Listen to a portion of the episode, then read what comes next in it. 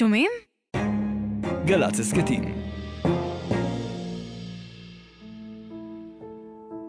התחקיר, הסכת העיתונות החוקרת של גל"צ ושומרים בהגשת רוני זינגר ועמית תומר. היי, אתם על התחקיר, פודקאסט התחקירים מחדש של גל"צ ושומרים. אני עמית תומר מגלי צה"ל, ואיתי נמצאת רוני זינגר מגוף התקשורת שומרים. שלום. שלום עמית. ספרי לנו אולי קודם כל, מה זה הגוף הזה? שומרים הוא גוף תקשורת חדש ועצמאי, ללא מטרות רווח, שמתמקד בתחקירים עיתונאיים, ואנחנו משתפים פעולה עם גופי תקשורת בארץ ובעולם. אז הנה, גם אנחנו משתפים אה, פעולה אה, עכשיו, ובעצם בכל שבוע, רוני, אה, את ואני נצלול לאחד התחקירים שנעשו בגוף התקשורת שומרים. נרד לעומקו של התחקיר, נזכור את מאחורי הקלעים שלו, איך עבדו עליו, וגם נביא כמובן את הממצאים המטרידים. והיום, בפרק הראשון, אנחנו מדברים על מגפת האופיואידים, במסגרתה מיליוני אנשים בעולם התמכרו למשככי כאבים. עכשיו, תשמעי, אני חייבת להודות שצפיתי באדיקות בדופסיק, אולי חלק מהמאזינים כן. שלנו אה, ראו, של דיסני פלוס, שמתאר בעצם אה, בסדרת אה, טלוויזיה, דרמה עם שחקנים, איך משפחת סקלר הצליחה להפוך את משכך הכאבים שהחברה פיתחה למשהו שהגיע לבתים רבים בארצות הברית כתרופה חוקית. ראיתי את זה ממש בשקיקה, וזה נראה לי מסוג הסיפורים שאם הם היו מגיעים כתסריט בדיוני לגוף שידור או ענקית סטרימינג, הם היו מסתכלים על זה ואומרים, זה מתוסרט מדי. כלומר, פשוט לא מציאותי, מרוב שזה מושחת ומסואב, אבל זה קרה, ואם זה נראה לנו כמו משהו רחוק שקורה מעבר לים במרחק 12 שעות טיסה, אז ממש לא. תכף נראה איך הדבר הזה קורה בבתים רבים כאן בישראל. וזה לא רק שזה קורה גם כאן, אני עצמי יכולה להתחבר ברמה הכי בסיסית אישית שלי, כשכאב לי מאוד וחיפשתי פתרונות. וכמוני יש כל כך הרבה אנשים, בטח במדינה שבה כולם היו חיילים מתישהו, ויש כל כך הרבה תאונות דרכים, ומתישהו בחיים את נפצעת או נפגעת, אז לפני, זה היה, אני יודעת, חמש שנים, הייתה לי שלווקת חוגרת, מחלה שבאה והולכת, אבל במשך שלושה שבועות היא באה לידי ביטוי בכאב שלא פוסק ולו לשנייה. את פשוט סובלת נורא מכאבים. ואין לזה שום פתרון ושום דרך, אלא פשוט ללכת לרופא mm. ולבקש ממנו עזרה. בצורת תרופות כלשהן כדי לשכך קצת את הכאבים. עכשיו, לא נפצעתי, לא קרה לי שום דבר דרמטי חוץ מאותה שלווקת חוגרת. כמוני יש כל כך הרבה אנשים אחרים שהולכים לרופא ומבקשים ממנו תן לי עזרה בצורה של תרופה. והרופא הציע לך בשכך כאבים כזה? הרופא הציע לי פתרונות, ואני החלטתי לוותר, לסחוב בשקט ולסבול mm. בשקט, אבל אני מקרה יוצא דופן. כל כך הרבה אנשים הרי בסוף מוצאים את, את הפתרון בתרופה. והתרופות האלה, הבעיה הגדולה ביותר שלהן, היא שאף אחד לא באמת כנראה מסביר. שיש להם, שצריך לשים להם איזשהו דדליין, uh, כי בסוף הן ממכרות מאוד. וגורמות להרבה מאוד הסתבכויות, ועל זה בדיוק התחקיר שדניאל דולב בשומרים, זה, לא, זה תחקיר שיש לו הרבה מאוד הסתעפויות, שורה של כתבות, צלה לעומק והביא סיפורים כאלה. אז מיד אנחנו נשוחח איתו, אבל בואו נשמע קודם את כל הפרטים על מגפת האופיואידים ב-60 שניות. מאות אלפי אזרחי ארצות הברית מתו במגפה קטלנית שמתפשטת גם לישראל. מגפת האופיואידים משתוללת כבר כמה שנים באוכלוסיות רבות באומה האמריקנית והובילה למצב חירום בריאותי. זה תמיד מתחיל באותה דרך. גבר, אישה, סובלים מכאבים. הם מקבלים מרשם למשככי כאבים חזקים, מבוססי אופיאטים, ומהר מאוד הם מגלים שהם מכורים. הסיבות לכך רבות, בהן שיווק פושע ורשלני שהוביל מיליוני אנשים מן השורה להתמכר וליותר מחצי מיליון לשלם על כך בחייהם. במשך שנה כתב ארגון העיתונאים שומרים, דניאל דולב, עקב אחר חדירת התופעה גם לכאן, וחשף את הזינוק במספר המשתמשים הכבדים ממשככי כאבים, הטיפול המאוחר של משרד הבריאות והיד הקלה על המרשם, שגוררת עוד ועוד ישראלים אל תלות פיזית הרסנית. בפרק הזה של התחקיר נדבר על אחת המגפות הקטלניות במאה ה-21, שעלולה עוד להגיע לכל בית בישראל. אז כמובטח, דניאל דולב איתנו כאן באולפן, הוא כתב את תחקירים בשומרים, שלום. אהלן. אתה uh, פרסמת סדרת תחקירים על הנושא הזה על פני uh, משהו כמו שנה uh, וחצי. בוא נתחיל בהתחלה. איך אתה צולל לנושא הכל כך אה, סבוך וספציפי הזה? אז באמת אה, זה התחיל מאיזשהו ליד, איזשהו מקור שמכיר את התחום, שבאמת זרק מילה על איזה ועדה של משרד הבריאות שלא עושה הרבה. מנכ"ל משרד הבריאות, משה בר סימן טוב, מינה ועדה ב-2018 שתעסוק בדיוק בדבר הזה. בכשלים בפיקוח, במרשמי יתר, בלראות אם יש איך, ואם בכלל צריך לצמצם את התופעה הזאת בישראל. זה בוועדה... קורה 2018, בעצם כשמתחילות התביעות בארצות הברית, השיח המוגבר על הנושא הזה? אה, אני חושב שקצת אחרי, זאת אומרת, אה, אולי כאיזה גל הדף יותר מאוחר. אבל אחרי ב... שזה מתפוצץ כן, שם. כן, כן, לחלוטין אחרי. בהתחלה יש לא מעט אנשים, אגב, גם בתוך הוועדה, שמטילים ספק בשאלה עד כמה יש פה בכלל תופעה, ואומרים אנחנו לא ארצות הברית, וזה נכון, אנחנו לא ארצות הברית, אבל להגיד שאנחנו לא ארצות הברית ובגלל זה הכל בסדר, זה כמו להגיד אנחנו לא צפון קוריאה ובגלל זה אין שום בעיית זכויות אדם בישראל. ובעצם בוועדה הזאת יושבים גם בכירי משרד הבריאות, נציגים של כל קופות החולים, נציגים של החברה האזרחית, יושב שם למשל אה, אדם בשם אה, אביתר סמולסקי, שהוא גם בעצמו אה, היה מכור לתרופות האלה, אבל הוא... מקים ארגון שעוזר למכורים ומטפל בהם, והסתדרות הרוקחים, ורוקחים בכירים, וחוקרים, ובאמת כל האנשים האלה. יושבים עם הידע שלהם במשך שלוש שנים, והדבר הזה לא, זאת אומרת, היה איזושהי קצת ידיעות על זה שיש ועדה כזאת, מה קורה שם, על מה הם מדברים, מה המספרים שעולים משם. כל הדברים האלה פשוט לא, לא נמצאים. ומשם התחלנו לנסות uh, לברר את זה, וזה לקח באמת כמה חודשים, עד שהצלחנו להבין מכל מיני מקורות מה קורה בוועדה הזאת, ואנחנו מבינים שיש בלאגן. אבל מה זאת אומרת עד שהצלחנו? הוועדה לא שקופה? הדיונים לא שקופים? לא פנית בבקשה לקבל מידע וקיבלת בתמורה? אז לא, הוועדה לא שקופה, דיונים... האמת שזה גם משהו שלא פעם בוועדות מקצועיות, אה, אתה בטח בזמן אמת לא תוכל להיחשף לפרוטוקולים, למה באמת קורה שם, ובדרך כלל גם בדיעבד אתה לא תוכל. זאת אומרת, לא פעם ועדות uh, מציגות דוח מסכם, מציגות המלצות, אבל למה באמת נאמר בחדרי חדרים, זה משהו שאני לא כך נתקלתי, שהוא שקוף לציבור, ובטח לא פה. זה בעצם פרוטוקולים שמתפרסמים תוך כדי שוועדה מתנהלת. הם בדרך כלל חסויים, דברים שנאמרים בחדרי חדרים, אנחנו קוראים אותם אה, בדיעבד אה, לפעמים, אחרי שנים, אחרי שכבר יש המלצות, לפעמים אף פעם לא, עם כל מיני השחרות. נדיר שאנחנו גם רואים מי הדוברים שאמרו את אשר אמרו, ואתה בעצם מצליח לספק בתחקירים שלך הצצה אה, למה שקורה שם, ממש אה, ככה בתמלול.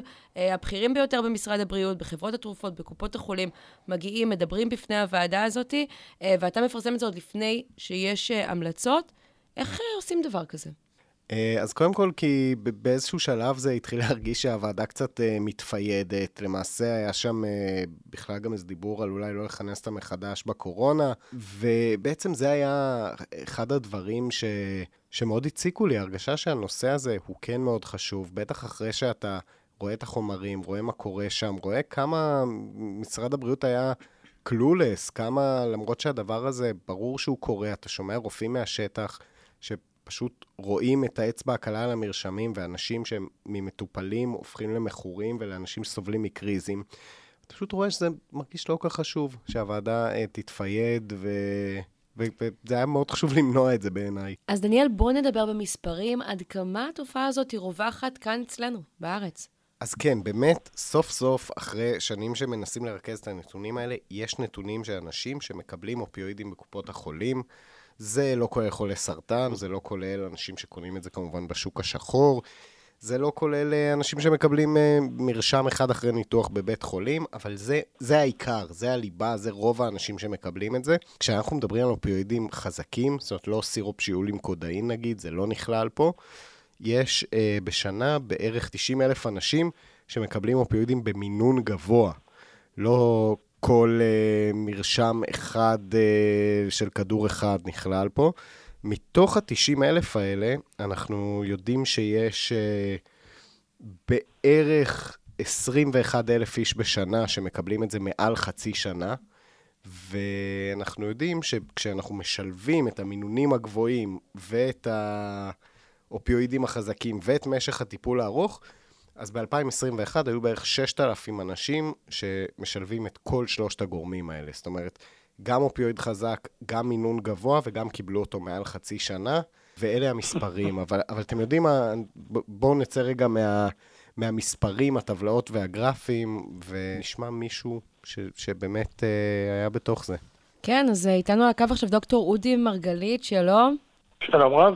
אתה רואה חשבון, ואפשר לכנות לך גם הפנים מאחורי התופעה הזאת. אתה בעצמך היית מכור אה, לאופיואידים. תספר לנו ככה איך אה, זה התחיל. זה התחיל אה, באופן הכי תמים שבעולם. אה, אני נפגעתי, קטוע רגל מיום כיפור, אה, הייתה לי תאונת דרכים שהאיצה לי תהליכים של התפרקות של הגב. נכנסתי לתופעה של כאב כרוני, ואז uh, במסגרת ההגדרה הזאת פניתי לפרופסור, ובלי להרים את הראש מהנייר ובלי יותר מדי להסתכל, uh, רשם לי uh, פנטניל במדבקות במינון גבוה. הוא אפילו לא בדק ו... אותך? הוא הסתכל עליי באופן כללי, שמע אותי, אבל uh, באופן מעשי, פשוט הייתה תחושה שלא מרים את, ה, את הראש מה, מהנייר.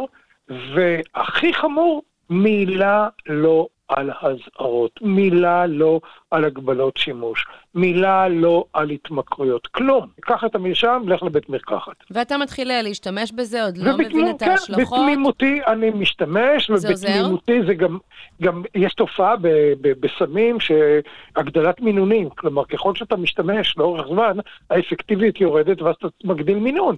אז אני שוב בתמימות מגדיל מינון ומגיע כבר למינון המרבי של אותה מדבקה של הפנטניל. שזה החומר הכי חזק והכי קשה באופיאטים, mm. באופיואידים, ואני, אה, ואני עדיין לא מבין שיש בעיה. כלום. הסביבה כבר מבינה שאני מכור, אני מכחיש. כי מה? אני... איך זה נראה? תתאר לנו את זה בדיעבד. אני, אני אספר לך איך גיליתי, כי זה היה החלק הטראומטי, ומזה אני יכול לגזור בדיעבד. לקחנו את שתי נכדותינו הבוגרות יותר לטיול באיטליה. ואני תופס את הראש ונותן מכה, אוי ואבוי, שכחתי את כל ערכת התרופות בבית. ובאותו יום בדיוק הייתי אמור להחליף מדבקה. ולמחרת אני מתחיל בתופעות של קריז כמו, שמסר, כמו שרואים בסרטים. דופק גבוה ברמות של 140, 150, הזעה, תחושה של חום, ואני לא מבין מה קורה לי. לאט לאט אני מתחיל להבין שאני פשוט בקריז. אז התמזל מזלי ובאופן מקרי הצלחנו להגיע לנוירולוגית איטלקית שמדברת אה, אנגלית בבית מרקחת תורני ו... ואני אה, שם את המדבקה ומבין, אני מכור. אז אתה בעצם חוזר אה, לקחת את התרופה באותו יום, אבל זה מדליק לך נורה אדומה של אני צריך לעשות נכון. עם זה נכון. משהו? נכון. והמשהו הזה לקח 11 חודש. וואו. 11 חודש של גמילה שיטתית, עצמית, לא נעזרתי באף אחד, ירדתי בכמויות, שמרתי על זהירות כדי לא להיכנס לקריז, ואחרי 11 חודשים הצלחתי להיגמל מהפנטניל. למה בלי ליווי רפואי? כי איבדתי את האמון בתוך המערכת הרפואית, כי גיליתי שהמערכת הרפואית מבינה בכאב הרבה פחות ממני, כי כל רפואת הכאב בנויה על סביבתייה, ועל מערכות של שקרים, וסליחה על הביטוי, כיסוי תחת. הביקורת הנוקבת שלי כלפי המערכת היא על הסתרת המידע. תגידו, תסבירו לבן אדם, תראה, אתה, כדי להגיע לאפס כאב, אני נאלץ לתת לך תרופה, הנה המחירים האלטרנטיביים. אתה תפתח תלות, אתה תזדקק להעלות כמויות, אתה תהיה מכור, תגידו לו את זה. אגב, אתם אה, יודעים את זה. אודי, אפשר uh, לשאול אותך קצת, גם uh, ככל שאתה מעלה את המינונים של האופיואידים, יש גם עוד תופעות לוואי, נכון? שדורשות גם uh, תרופות נוספות. כדי ל, ל, לא להיכנס למלכודת הקריז, אתה צריך כמובן תרופת הרגעה, כלומר קלונקס, כלומר אתה נכנס לעוד תרופה, אני מקבל חוץ מזה עוד משככים נוספים. אבל, אבל זה, שוב, זה, זה הדוגמה האישית שלי על רמות הכאב שלי. אני חושב שהב, שהבעיה לא, מתייצ... לא מתמצאת באודי הסובל מכאב כרוני, אלא מערכת שסובלת מפגמים כרוניים. אני מטופל במרפאת כאב בבית חולים שיבא, והיה לנו עימות עם ה... עם הרופא שהוא נהדר, הוא איש מקסים שמטפל בנו, הוא אמר אה, בצורה הכי גלויה, כן, נכון, הפציינטים היום דורשים אפס כאב, ואנחנו לא יודעים להגיע לאפס כאב אלא על ידי זה שאנחנו מסממים אותם לגמרי. הנה המשוואה. אני רוצה רגע להתחבר ל, ל, למערכת כולה, ולא רק לסיפור האישי שלך, כשאתה מגיע למרפאות הכאב, אתה פוגש אנשים דומים לך, כמוך, אתה שומע על חוויות אה, דומות, או שאולי מדובר באמת במקרים אה, שאולי כמוך, בהם אנשים נוטים להתמכר יותר לתרופות שמסייעות להם. זו, זו חוויה של עוד אנשים? א', זו חוויה של עוד אנשים, כי נפגשתי עם, ונפגשתי ודיברתי, אבל שוב, תראו באיזה מקום זה שם אותנו. כשבאתי לרופא ואמרתי לו, אה, אני רוצה להיגמל, למרפאת כאב בשיבא. אז הם אמרו לי, אתה יודע מה, יש לנו רעיון, להוסיף לך מתדון, ואז ממתדון יותר, נעביר אותך לאט לאט מפנטניל למתדון. מתדון, נגיד רק תרופה שבעצם ניתנת למכורים מסמים, בדרך כלל, נכון, זה, זה, זה הדולן או מתדון, זה אותו דבר שנותנים למכורים, המדינה נותנת למכורים כדי שלא יקנו אירועים ברחובות. ואז אני הולך לקנות, אני נוסע עד לטבריה, כי רק בטבריה בצפון יש בית, בית מרקחת שעושה את זה, ואני עומד בתור, ולידי בתור עומד בן אדם חסר שיניים, יצא מהרחוב, מחכה לאדולן שלו, למנה, אני יודע, החודשית, שבועית שלו, ממשרד הבריאות. כלומר, אני בעצם נמצא בתור יחד עם מסוממים מהרחוב, אני אותו דבר, אנחנו מכורים אותו דבר בדיוק. כן. ועומדים באותו תור. אודי, באיזה וזה... שלב אתה מבין, אה, תוך כדי ההתמכרות, שבהתחלה מתחילה כאיזשהו תכשיר שבאמת רושמים לך ונשמע לך לגיטימי, שיש כאן בעיה גדולה, עולמית, הידיעות מארצות הברית מתחילות להגיע, מתי זה תופס אותך? כאשר הבנתי, חזרתי מאיטליה ועברתי שאני מכור, ואז אני מתחיל לקרוא, ואני מתחיל לקרוא מאמרים מארצות הברית, ואז אני רואה שפתאום תוחלת החיים בארצות הברית ירדה מ-80 ל-76 בגלל זה. ואז אני מגלה, תוך כדי שיחות עם אביתר סמולסקי, שבעצם בארץ טוענים, אין בכלל בעיה.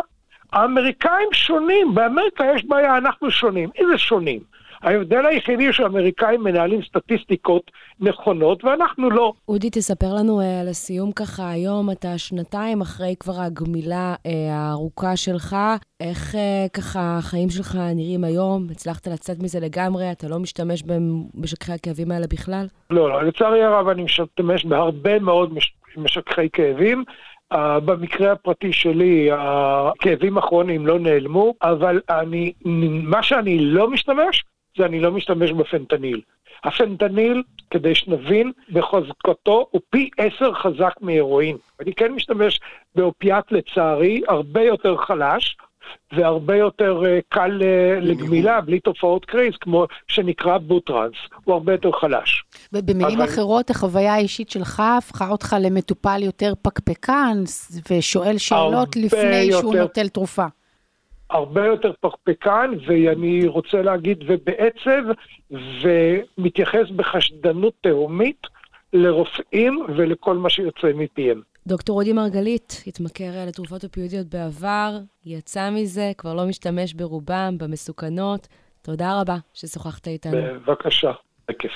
צריך להגיד, המספרים, גם הנתונים הרשמיים שהזכרנו קודם של משרד הבריאות, לא מכסים את כל משתמשי האופיואידים, כי יש את אלה שעושים את זה בחסות החוק, אה, מפתחים תלות גם אם לא התמכרו לדברים אה, אחרים קודם לכן, אבל יש אנשים שפשוט אה, הפכו את הכדורים האלה, שככה מסתובבים בשוק, לעוד כתובת להפנות אליה את ההתמכרות שלהם, במקום סמים, אלכוהול או דברים אחרים, וביקשנו מאחד מהם, למד, שהיה מכור לסמים, בעבר, לספר לנו את הסיפור שלו, איך ההתמכרות שלו לחומרים שידועים כמסוכנים, עברה להתמכרות שנראתה לו יותר סולידית לתרופות, אבל זה נגמר לא סולידי בכלל.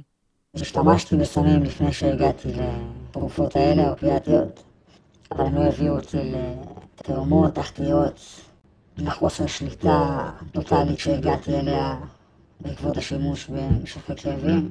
באמת הניסיון הראשון שלי עם משכי כאבים היה הרגיש לי כאילו מצאתי בית שתמיד חיפשתי, כמו כל סם אחר היום, להשיג אותם אפשר דרך הטלפון. מהר מאוד, תוך מספר שבועות, תוך כמה חודשים, זה הפך להיות תלות טוטאלית. זה היה מצב שאופיאטים הביאו אותי אליו. איך זה קורה? איך מתבצעת הזליגה הזאת של תרופות שאמורות להינתן רק במרשם ובצורה מאוד מאוד מפוקחת? אז באמת, אה, ברגע שזה ניתן אה, גם אה, ביד מאוד רחבה, או באצבע מאוד קלה על המרשם, אז זה באמת, בניגוד לדברים אחרים, לא כך, אין הברחות של אופיואידים בגבול, אין דירות, מע- מעבדות פיראטיות שמייצרים בהם פנטניל, אין דברים כאלה. זה הכל פשוט מרשמים שניתנים. וזה יכול להיות אה, מישהו שלסבתא שלו היה סרטן והיא נפטרה ונשאר לה והוא מוצא את עצמו עם אה, קופסה של מדבקות פנטניל. זה יכול להיות אנשים שבעבר, וזה טיפה השתנה, אבל לפני שאתה מקבל מרשם לקנאביס רפואי, לפני שאתה מקבל רישיון, סליחה, לקנאביס רפואי, היית Mm. צריך להוכיח שבמשך שנה ניסית את מה שנקרא הטיפול המקובל לכאב, והוא לא הועיל לך. אז אנשים במשך שנה קיבלו מרשמי אופיואידים לפני שהם קיבלו רישיון לקנאביס רפואי. לא פעם, האנשים האלה לא רצו, הם יודעים שהדברים האלה מסוכנים, אז הם היו מקבלים, ומוכרים את זה. בטלגרם. ככה בעצם התחיל המעגל שלא באמת יכלתי לצאת ממנו. אני פשוט רציתי למות, אני השתמשתי כל יום בכדורים והתפללתי שזאת תהיה מנת היתר, שזה יהיה הסוף, שזו יהיה הפעם האחרונה שאני משתמש. הייתי במרכז מילה חמישה חודשים, אני יצאתי ממרכז מילה ואני חזרתי להשתמש. הגעתי לתוכנית של אה, בחורים אנונימיים, ושם בעצם הצלחתי להיגמל ולשמור על הניקיון שלי במשך כמעט שנתיים עכשיו. זה לא קל, אבל זה יותר קל מלסבול את הזוועות של ההתמכרות. זו עבודה יומיומית, זו עבודה קשה.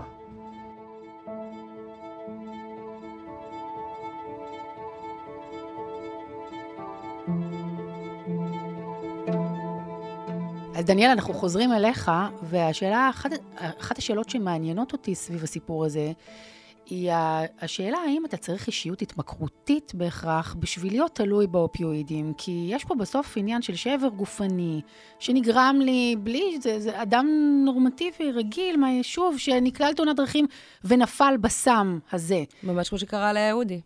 בדיוק מה שקרה לו, אבל, אבל זה סיפור גם, זאת אומרת, עושים את ההבדלה בין אישיות הת- התמכרותית אז, ל... אז כן, קודם כל ההבדלה, ההבדל הזה הוא מאוד מאוד מאוד חשוב.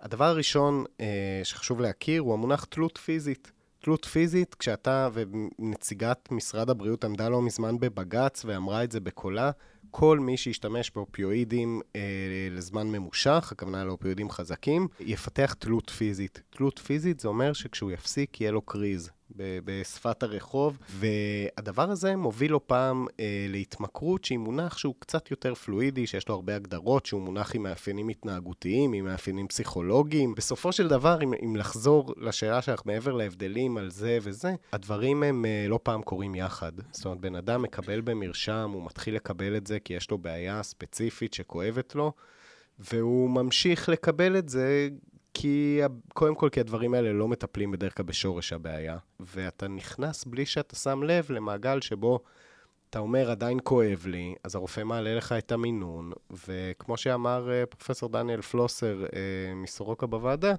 הוא אומר, אה, הגיעה אלינו אישה שאנחנו רואים שמקבלת אה, 60 כדורי טרמדקס ב- בחודש, ביום, בשבוע, מינונים עצומים של אופיואיד יחסית חזק, והוא אומר, והיא מקבלת את זה כבר שלוש שנים, ואף אחד מהרופאים שמטפלים בה לא חושב, רגע, זה עוזר לה, אנחנו, הבעיה פה מחמירה, הבעיה פה, זאת אומרת, אף אחד לא אומר, מה, מה קורה עם אני החולה הזאת? במקרה, זה היה ציטוט כל כך חזק שאני כתבתי לו את הפול מול העיניים, אז אני אפתיע אותך, זה לא היה 60, זה היה 200. זה פשוט מטורף. אבל השאלה שנובעת מזה זה גם, גם בכל מה שנוגע לנתונים, כי המדינה, אני מניחה, יודעת כמה אנשים מקבלים מרשם לאופיואידים, אבל כמה מהם גם מתמכרים בסופו של דבר.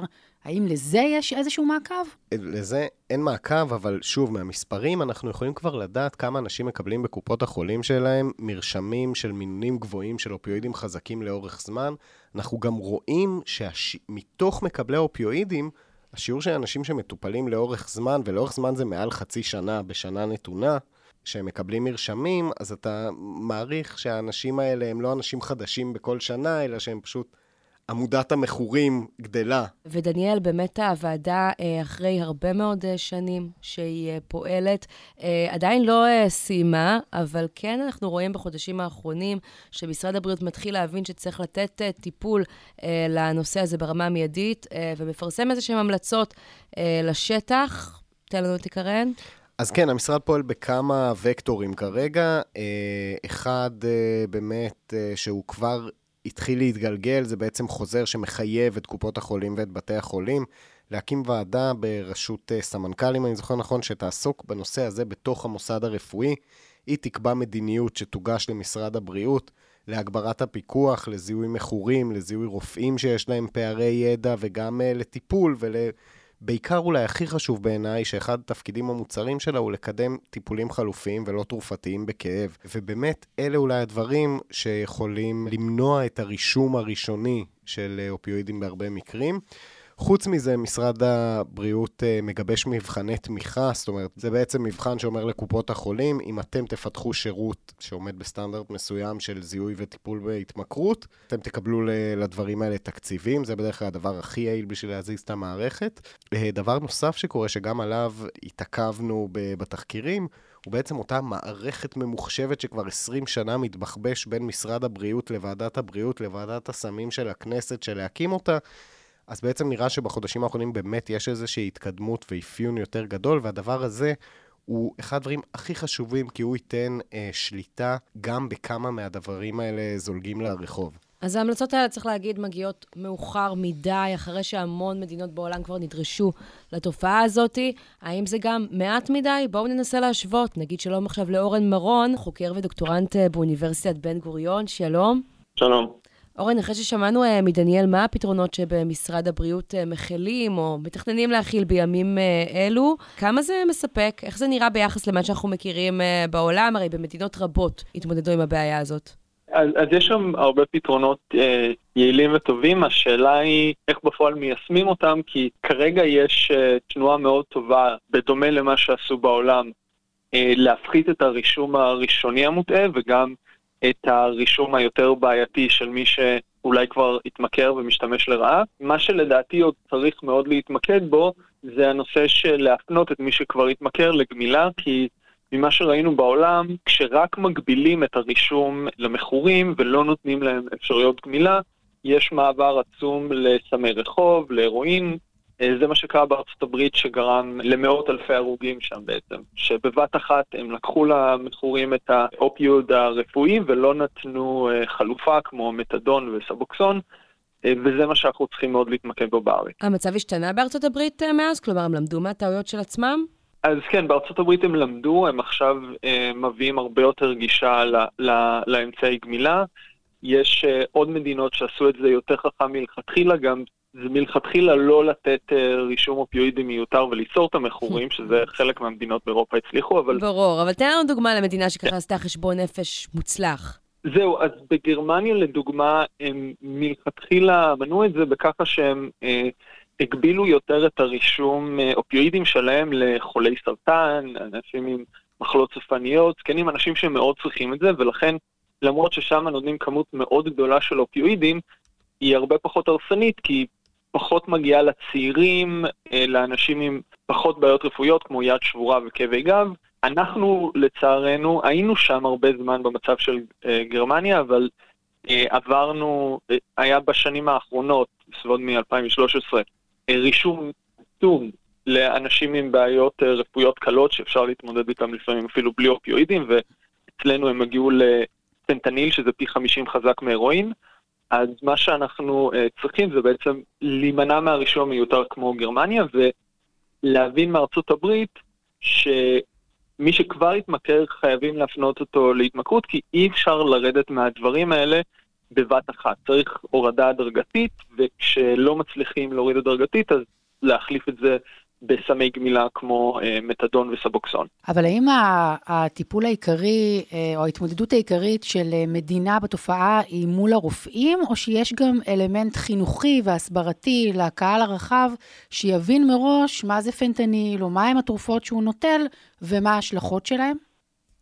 יש התמודדות מול הקהל, הבעיה היא שזה משהו שבסופו של דבר אנחנו סומכים על הרופאים, נכון, אנחנו. הרבה פעמים, גם לי זורקים לי כל מיני שמות של תרופות ואני לא מכיר את כולם.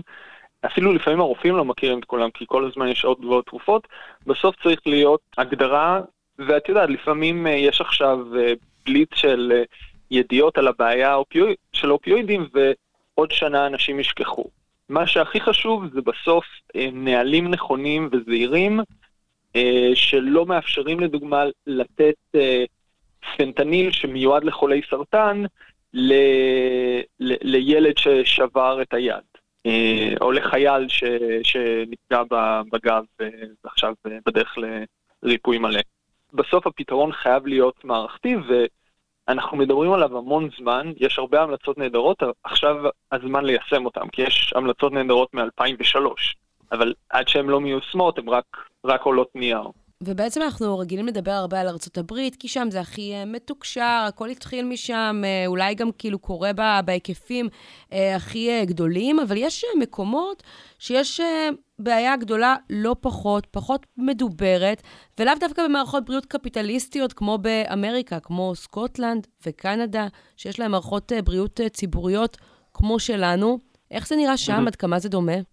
אבל ברגע שזה קרה בארצות הברית, אנחנו הרבה פעמים, כמו שכל ההסדרות שם מגיעות אלינו באיחור, אז גם ההרגלים הרפואיים מגיעים באיחור.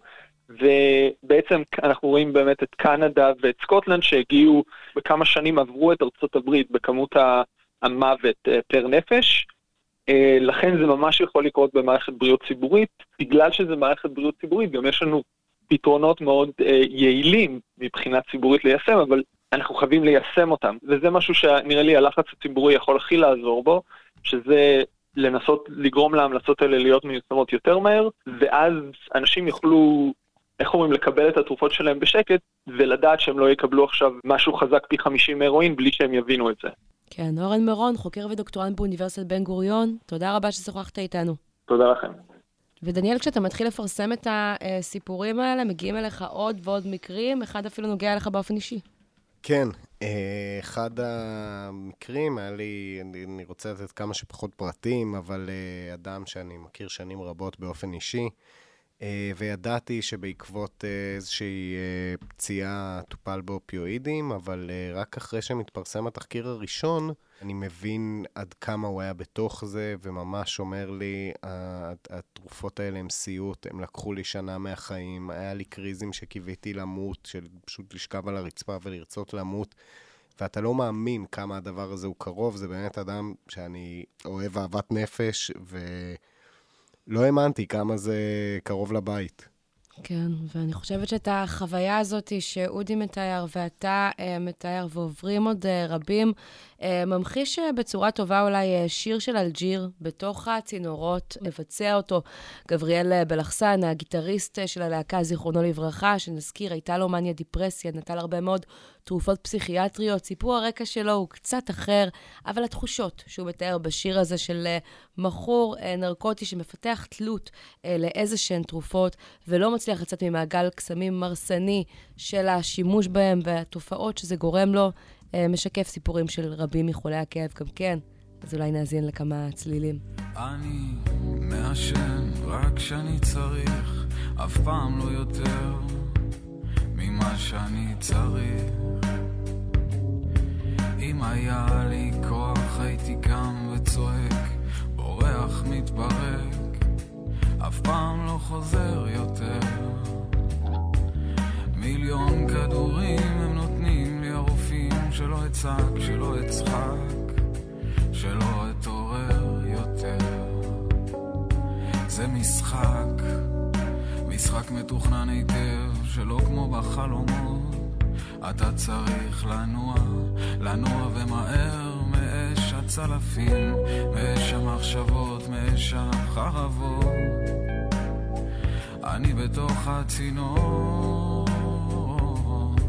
עכשיו ארבע בבוקר מזיע מתחת לשמיכת כותנה שחורה מסתכל על התקרה עקומה. הייתי רוצה לאהוב אותך בלי לחכות בלי הפסקות כאן ועכשיו בין ההריסות. לקחת אותך איתי לתוך הצינורות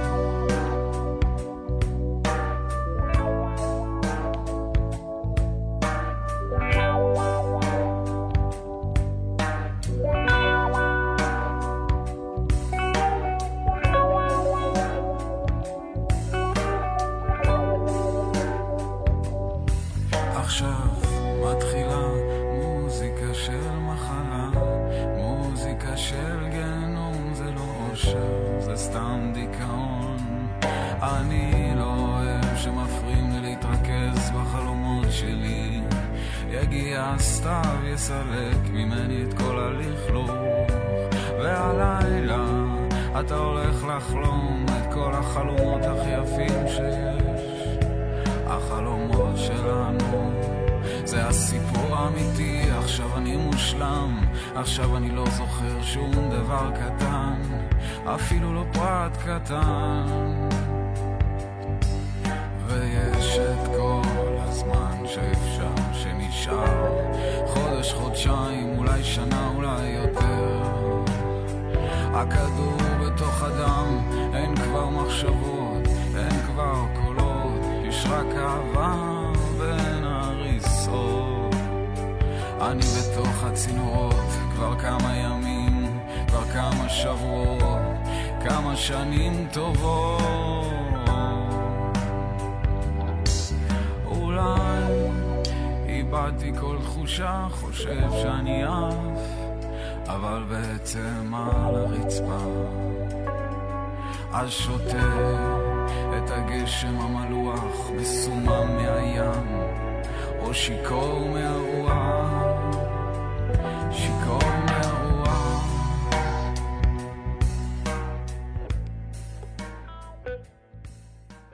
אז זו הייתה להקת אלג'יר וגבריאל בלחסן שמתאר מיליון כדורים. הם נותנים לי הרופאים שלא אצעק, שלא אצחק, שלא אתעורר אה, יותר. אני רוצה רגע להציג דווקא, לשאול שאלה מהצד ההפוך. אה, אדם, מטופל, יודע מהו קנאביס, יודע שמות של סמים, ולא יודע מה זה פנטניל, וכשהרופא נותן לו כדור, הוא לוקח כדור.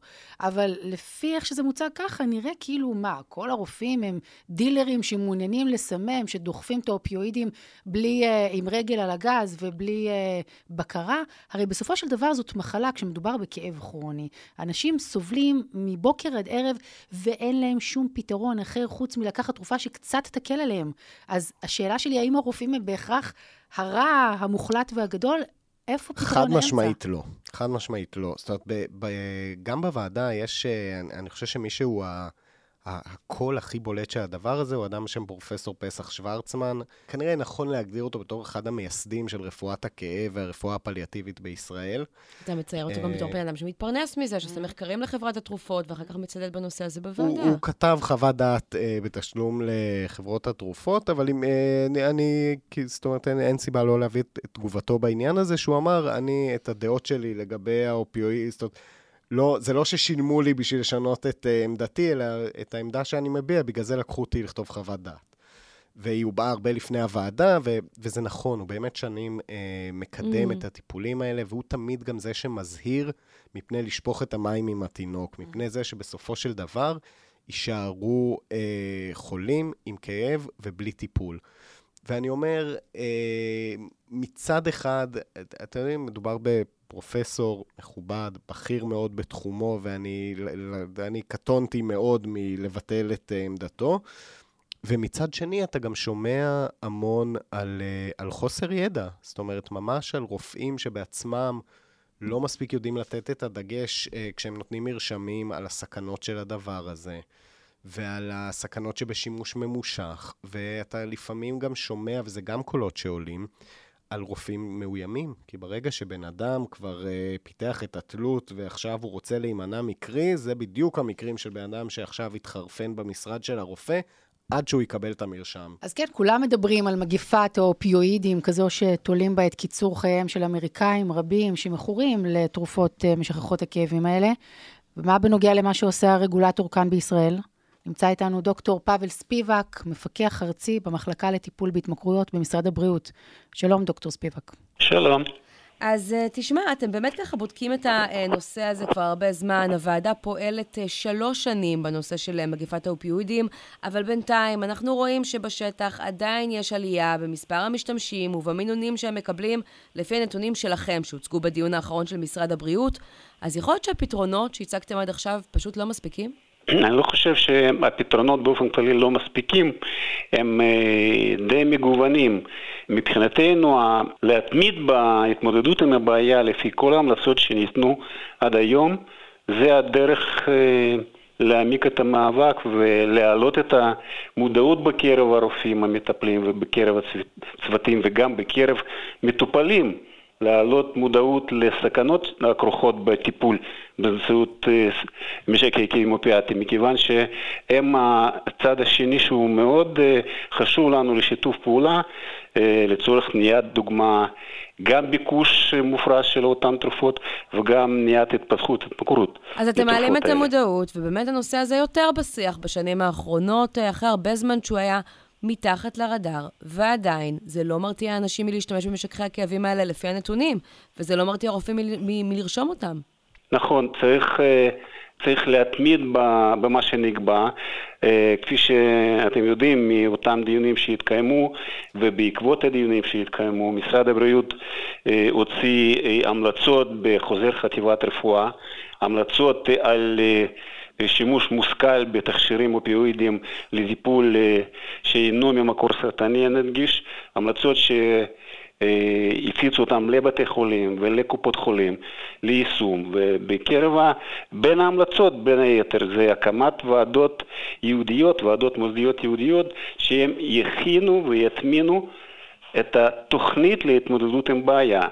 כלומר, עוד ועדות חולים. אחרי שוועדה ישבה לא, כמה שנים. לא, לא, לא ועדות, הפעולה, בעיקר זה פעולות שאנחנו מצפים שיעשו בשטח, בעיקר בבתי חולים, קופות חולים, עם הרופאים שנוגעים בדבר, בעיקר זה רופאים כלליים, ואנחנו מבחינתנו כמחלקה לטיפול בהתמכרויות גם כן אה, שותפים ל... לכל התהליך הזה, אנחנו מזה כשנתיים משתתפים ב... בקרות שמשרד הבריאות מקיים בקופות חולים, וכל הנושא הקשור למניעת uh, מתן uh, לא מושכל של התרופות אופאידיות ומניעת uh, שימוש לרע והתמכרות לתרופות האלה, זה בפוקוס של הבקרות שלנו. תראה, המשרד וקופות החולים התחילו להציע הרי להפעיל מרפאות לגמילה. אתה יודע להגיד כן. לנו כמה אנשים משתמשים בשירותים של המרפאות האלה? פחות או יותר. נכון להיום, בקופות חולים נפתחו אה, שש מרפאות יהודיות. זה מרפאות אה, במכבי אה, ובמאוחדת בעיקר. הקופות חולים אה, האחרות בינתיים בשלבי הכנה, אבל יש כאלה שש מרפאות, אה, ושם טיפול ניתן לאותם אנשים שכבר הופנו על ידי אה, רופאים mm-hmm. שטיפלו בהם באמצעות. וכמה אנשים נהנים מהשירותים של המרפאות האלה? פחות או יותר כרגע בכל המרפאה נמצאים בין 50 ל-80 מטופלים כעת מטופלים, וחלקם כבר סיימו את הטיפול או הופנו להמשך אה, טיפול ומעקב, חלקם בקופות חולים, חלקם במוסדות רפואיים אחרים. עכשיו תראה, אני אגיד לך למה מה שאתה אומר הוא מדאיג אותי, כי בסופו של דבר אנחנו מחברים את המספרים ואנחנו מגיעים פה למספר של כמה מאות אנשים, נגיד 500, אתה יודע מה, נגיד אפילו אלף. אני מסתכל על המספרים של האנשים שמקבלים אופיואידים רק בקופות החולים, ורק מעל חצי שנה ב-2020, יש שם 21 אלף איש, והאנשים האלה הם אנשים שמטופלים מעל חצי שנה באופיואידים חזקים, זה אנשים שפיתחו תלות פיזית, זה אנשים שחלקם הגדול אנחנו מבינים די בוודאות שהם מכורים לכל דבר. מה יקרה עם האנשים האלה? מי יוריד את האנשים האלה מהמינונים האלה? אה, מי שאמור להוריד אותם, זה קודם כל תהליך מורכב להוריד אותם ממינונים האלה, כי זה הפעולה שאמורה להתבצע בשיתוף פעולה עם המטופל עצמו, עם החולה, כי אחרת הוא לא ירד ולא יחליף אותו אופיואיד שהוא צורך לשום תרופה אחרת. וזה אמור להתרחש אחרי uh, התערבויות שלנו, גם של. בעקבות החוזרים ש... נשלחו לשטח וניתנו הנחיות ברורות בשיתוף פעולה בין הרופאים שבשטח מול המטופלים מתמודדים עם מחלה שלהם ולשכנע אותם כן ללכת לכיוון הפחתת מינון של התרופה האופיואידית וקבלת טיפול חלופי שהוא כלומר, קיים. כלומר, אם רופא נתן מינון גבוה למטופל, לפני שבעצם הייתה מודעות אה, בנושא, לפני שיצאו ההמלצות שלכם, וככה שאב אותו לתוך התרופה הזאת, שהיום גם אתם אומרים היא בעייתית ויש לה תופעות לוואי בעייתיות, המטופל חייב להסכים כדי שיורידו לו את המינון? נכון, נכון מאוד. הוא צריך להסכים. כמה מהמטופלים אה, מסכימים מהמידע שיש לכם מהשטח? הדוגמה, דוגמה זה אלה שפונים אלינו למרפאות יהודיות שהזכרתי. ודרך אגב, זה, זה לא המוקדים היחידים שמטפלים בבעיה. יש לנו מרכזים לטיפול תרופתי ממושך. שסך הכל 13 מרכזים, בנוסף לאותן שש אה, מרפאות, 13 מרכז, מרכזים ברחבי הארץ, שכל אחד שהוא זקוק לעזרה והוא כבר שכנעו אותו צוותים רפואיים איפה שהוא מטופל, שקיימת בעיה ויש לטפל בה וללכת לטיפול חלופי, הוא רשאי לפנות, ואנחנו סיפקנו את כל הכתובות של אותם מרכזים. רגע, אבל ומקב... זה אם הוא רוצה, מיוזמתו. ואם אני עכשיו מטופלת שמקבלת מינונים מאוד גבוהים, שמזיקים לבריאותי, אה, ואני בעצם אה, כרגע לא מעוניינת להיכנס לתהליך הזה של הגמילה, אז מה? אני אמשיך לקבל משככי כאבים במינונים שילכו ויעלו לנצח? לא, לא. לא, לא, יש פה שתי נקודות חשובות. קודם כל, העליית מינונים היא מוגבלת. שנית, המנגנון שמתפתח בכל המוסדות רפואיים, קופות חולים, בתי חולים, שהחולים שכבר מקבלים אה, טיפולים במינונים כאלה גבוהים, יושם דגש על. על ההסבר להם עד כמה זה מסוכן, למרות שנראה לאותו חולה שהוא לא יוכל להסתדר בלי מינון הזה. והמשך הטיפול הוא כרוך באישורים של הוועדות, הוועדות אנשי מקצוע מומחים בתחום, שהם ידונו ובמקרה הצורך גם יזמינו את המטופלים לוועדה להשמיע לו מה ההמלצות ומה הסכנות שבמתן טיפול מתמשך ואפילו מבוקר, אבל מתמשך. דוקטור ספיבק, עם יד על הלב, יכול להיות שמשרד הבריאות עדיין לא יודע איך באמת לטפל בתופעה שצומחת כאן ועשויה להגיע לממדים מבהילים, כמו שקורה למשל בארצות הברית. ההמלצות עדיין מדשדשות, חוזרי המנכ"ל שיוצאים, אה, השטח שעדיין לא מגיב אה, אה, להנחיות החדשות, מסד נתונים שעדיין לא ברור לגמרי. אנחנו לא, בבעיה. אנחנו, קודם כל אנחנו בבעיה, ואנחנו כרגולטור, משרד הבריאות, אנחנו חייבים להיות, להיות מודעים לקיומה של הבעיה, על מנת להתמקד איך, איך להתמודד איתה. ואני חושב שאנחנו, נכון להיום, אה, מתעדכנים מכל העולם באיזה צעדים נוקטת כל העולם, גם ארצות הברית, גם אה, ארגונים אירופאים, איך, איך להפחית את התופעה.